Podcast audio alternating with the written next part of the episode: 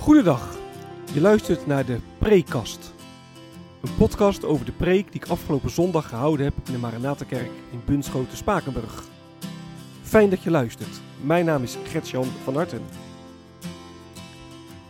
Wat kun je verwachten van deze podcast? De Preekast bestaat uit vier onderdelen. Ik begin met een korte introductie van de tekst waarover ik gepreekt heb. Vervolgens geef ik een korte samenvatting van de preek zelf. En met korte samenvatting bedoel ik ook echt kort.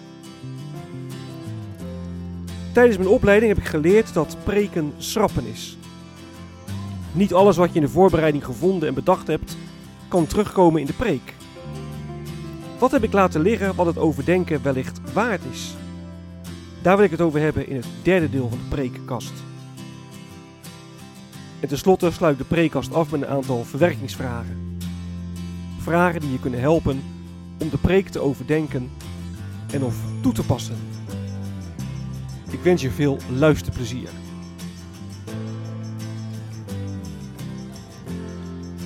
De tekst.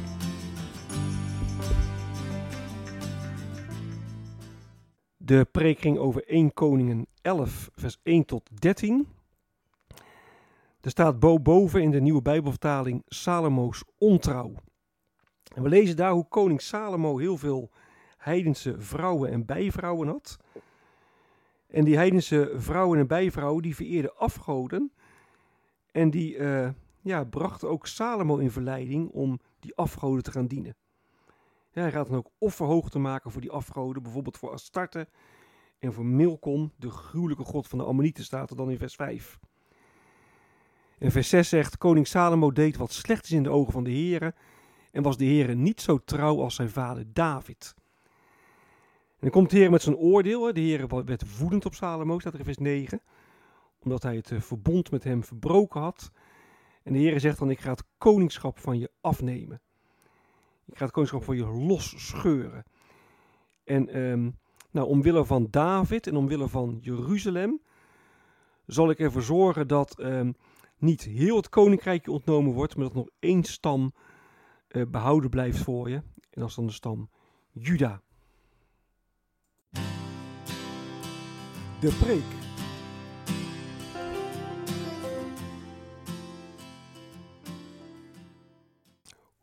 Het thema van de preek is hoe dan? We zeggen wel eens wie hoog staat, die kan uh, diep vallen. Je hebt wel eens kerkelijke leiders die die blijken jarenlang een, een dubbel leven geleid te hebben. En als het dan uitkomt, dan denk je, ja, hoe is het toch mogelijk? Hoe kan het? Maar als je ja, de Bijbel kent, of eigenlijk moet ik zeggen, als je je eigen hart kent, ja, dan weet je wel het antwoord op die vraag. Dit uh, kan omdat de mens slecht is. Omdat wij zondig zijn en de zonde diep in ons zit. En hoe het ook went of keert, maar uiteindelijk onderaan de streep zijn we toch op onszelf gericht en draaien het om ons. In plaats van dat het gaat om, om God en om onze medemens. Nou, dat zie je ook in het tekstverhaal. Het gaat over koning Salomo, de grootste koning uit de geschiedenis van Israël. Hij was een spreekwoordelijk wijs en hij was onvoorstelbaar rijk. Hij was echt een machtige koning. we lezen hier dat hij vele buitenlandse uh, vrouwen en bijvrouwen had. Nou, in die tijd was dat ook een teken van aanzien, een teken van macht. Hè. Hoe meer vrouwen en bijvrouwen je als koning had, hoe machtiger je was. En Salomo die stond wat dat betreft op, echt op eenzame hoogte en ja, dat was een bloeitijd voor Israël. zijn naam betekent uh, rijk aan vrede. Is de vredevorst, de Messias. Door God gezalfd en door God aangesteld om het volk ja, voor te gaan in een leven met God. Nou, dat is natuurlijk prachtig. Maar ja, als je dan kijkt hoe het, uh, hoe het eindigt met koning Salomo ja, dan is het toch wel heel erg triest. hij wordt gestraft door de heren. Hij valt van zijn voetstuk, hij valt diep.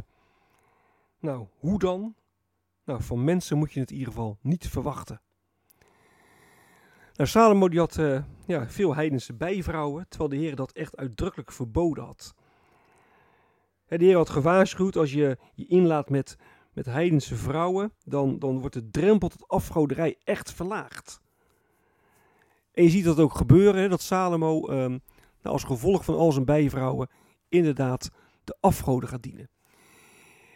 En nu, ligt de verleiding, nu is de verleiding natuurlijk om in de preek te waarschuwen te zeggen: ja, je moet je echt aan Gods geboden houden en je kunt Gods geboden niet straffeloos negeren. En dat klopt uiteraard ook. Hè. Je kunt Gods geboden niet straffeloos in de wind slaan en je moet echt de Heer ook echt wel gehoorzamen. Maar dan raak je nog niet de kern van, van het tekstverhaal. Het gaat veel dieper. Het probleem is dat het hart van Salomo niet goed is. dat kun je in vers 4 zien. Er staat er, hij was de Heere zijn God niet meer met hart en ziel toegedaan, zoals zijn vader David dat geweest was. Het, daar ging het fout in het hart van Salomo. En dat Salomo die geboden niet hield, dat hij buitenlandse vrouwen nam, is een gevolg daarvan. we moeten niet bij de symptomen stilstaan, maar bij de oorzaak. Het ging fout in het hart van Salomo. Nou, nu in de Bijbel uh, het hart de plek, niet alleen maar van de emoties, maar ook de plek waar we keuzes maken, de plek waar de beslissingen vallen. En je kunt zeggen, je hart, dat je diepste ik. En dat moet echt op God gericht zijn. En God dienen, dat doe je niet half-half. Dat doe je een beetje of dat je uitkomt. Nee, dat doe je echt met heel je hart. Hè? Zoals God het ook zegt. Ik wil dat je mij lief hebt met heel, heel je hart, met heel je ziel, met, met heel je verstand. En als je God lief hebt heel je hart, ja, dan, dan beïnvloedt dat de keuzes die je maakt. Hè? Of het dan gaat om, om omgang met geld of seksualiteit, hoe je aankijkt tegen vluchtelingen, dat maakt niet uit. Maar als je God lief hebt met je heel je hart, dan ben je op God gericht. En dan beïnvloedt dat je gedrag. Maar het begint bij je hart. Hey, welke keuzes maak je? Wie, ja, wie is, is God voor je? de vraag is dus niet van overtreed je de geboden van God wel of niet? Want dat doet iedereen. Het probleem was dat Salomo de Heer niet meer met heel zijn hart was toegewijd, anders dan zijn vader. David staat er. Nou, David is ook veel gezondigd. denk alleen maar aan, zijn overspel met, met Batseba, dat hij Uria liet ombrengen. daarin was David echt niet anders dan Salomo. Alleen David die had oprecht berouw. Hij wist zich schuldig voor God. Ik denk bijvoorbeeld aan die indrukwekkende Psalm 51, hè, waarin David zegt: Mijn hart is gebroken. Ik heb berouw. Ik beleid mijn schuld. En als je dat doet, als je schuld beleidt, als je berouw hebt, ja, dan gloort er hoop. Want God, God is trouw. Nou, Salomo die nam het verbond niet in acht. Dat is een klap in het gezicht van God. Hè? Hij had een verbond met zijn volk gesloten. Uit liefde, uit genade. En dat verbond wordt verbroken je kunt zeggen dat het eigenlijk een rode draad uit het Oude Testament is.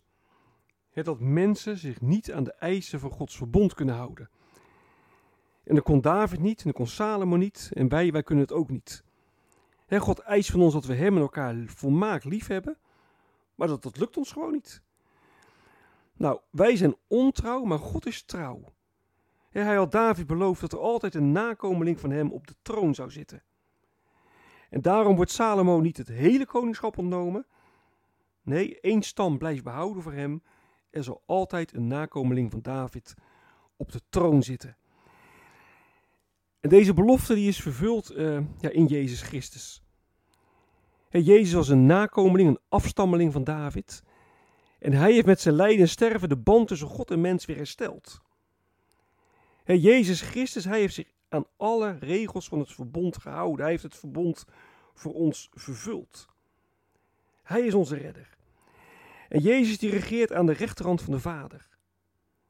Hij zit op de troon van David. Hij regeert, koning Jezus.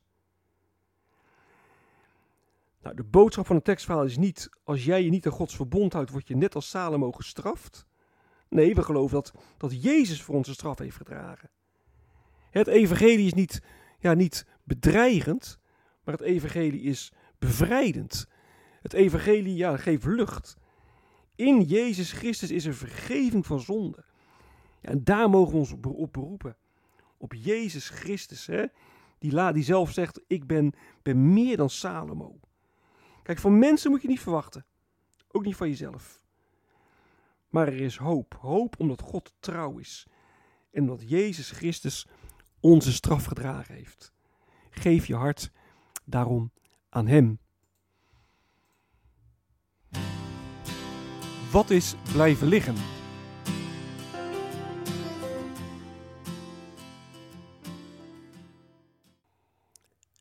Het eerste waar ik eh, aandacht voor vragen is voor de vraag in hoeverre is wat hier staat in het tekstverhaal nu echt historisch betrouwbaar. En ik bedoel met historisch betrouwbaar, in hoeverre is het nou echt precies zo gegaan zoals het hier staat?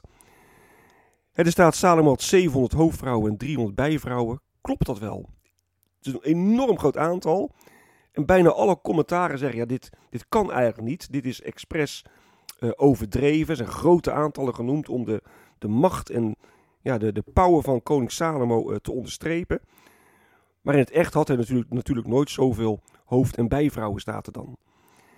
Nou, ten meer ook omdat er in Hooglied 6 eh, vers 8 staat dat hij 60 hoofdvrouwen en 80 bijvrouwen had. Nou, dat is ook een heel ander getal, dus veel lager. En de meeste commentaren zeggen, nou dat getal dat zal de werkelijkheid veel meer benaderd hebben.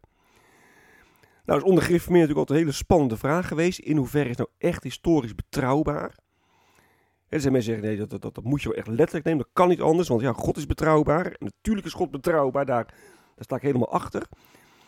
Maar in die tijd werd natuurlijk anders geschiedenis geschreven dan wij vandaag doen. Lezen wij dit soort geschiedkundige verhalen, dit soort historische verhalen, niet veel te veel met een bril van, ja, van onze tijd op de manier waarop wij geschiedenissen beschrijven. Waarin elke ja, punt en komma uh, moet kloppen en iedere, alles in, in, in een nootje verantwoord moet zijn.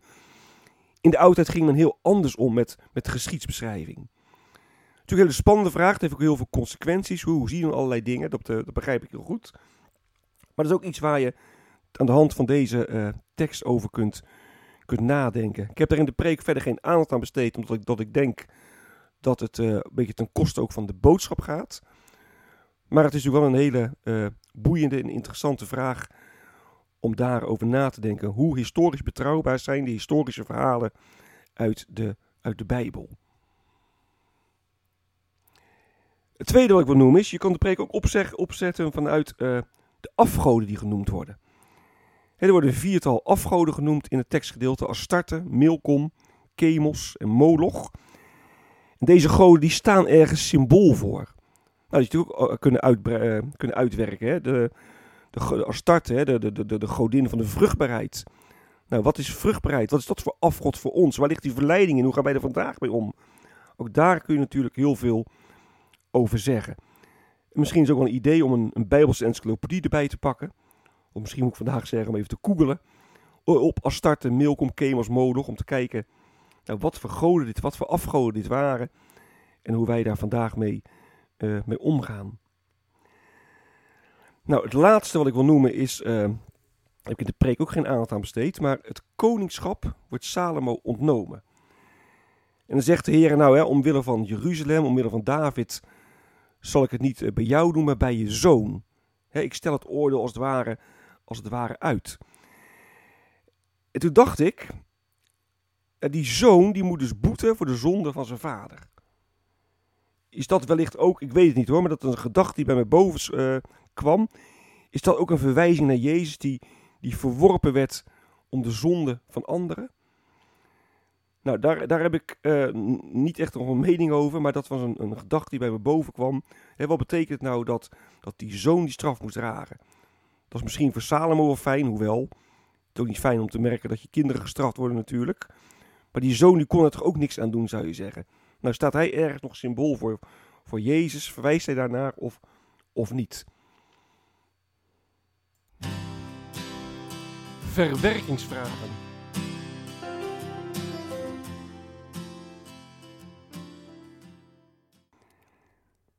De eerste vraag die ik uh, op het preekblad heb gezet. Het preekblad, kun je downloaden, moet je even googlen. Preekblad Gertjan van Harte. Als je daarop zoekt, dan vind je het preekblad. De eerste vraag is: in hoeverre ben jij met heel je hart de Heere toegewijd? En Salomo die, die krijgt te horen dat hij de Heere niet met hart en ziel is toegewijd. Dit in tegenstelling tot zijn vader David. Hoe is dat bij jou? Ben jij echt met heel je hart de Heer toegewijd?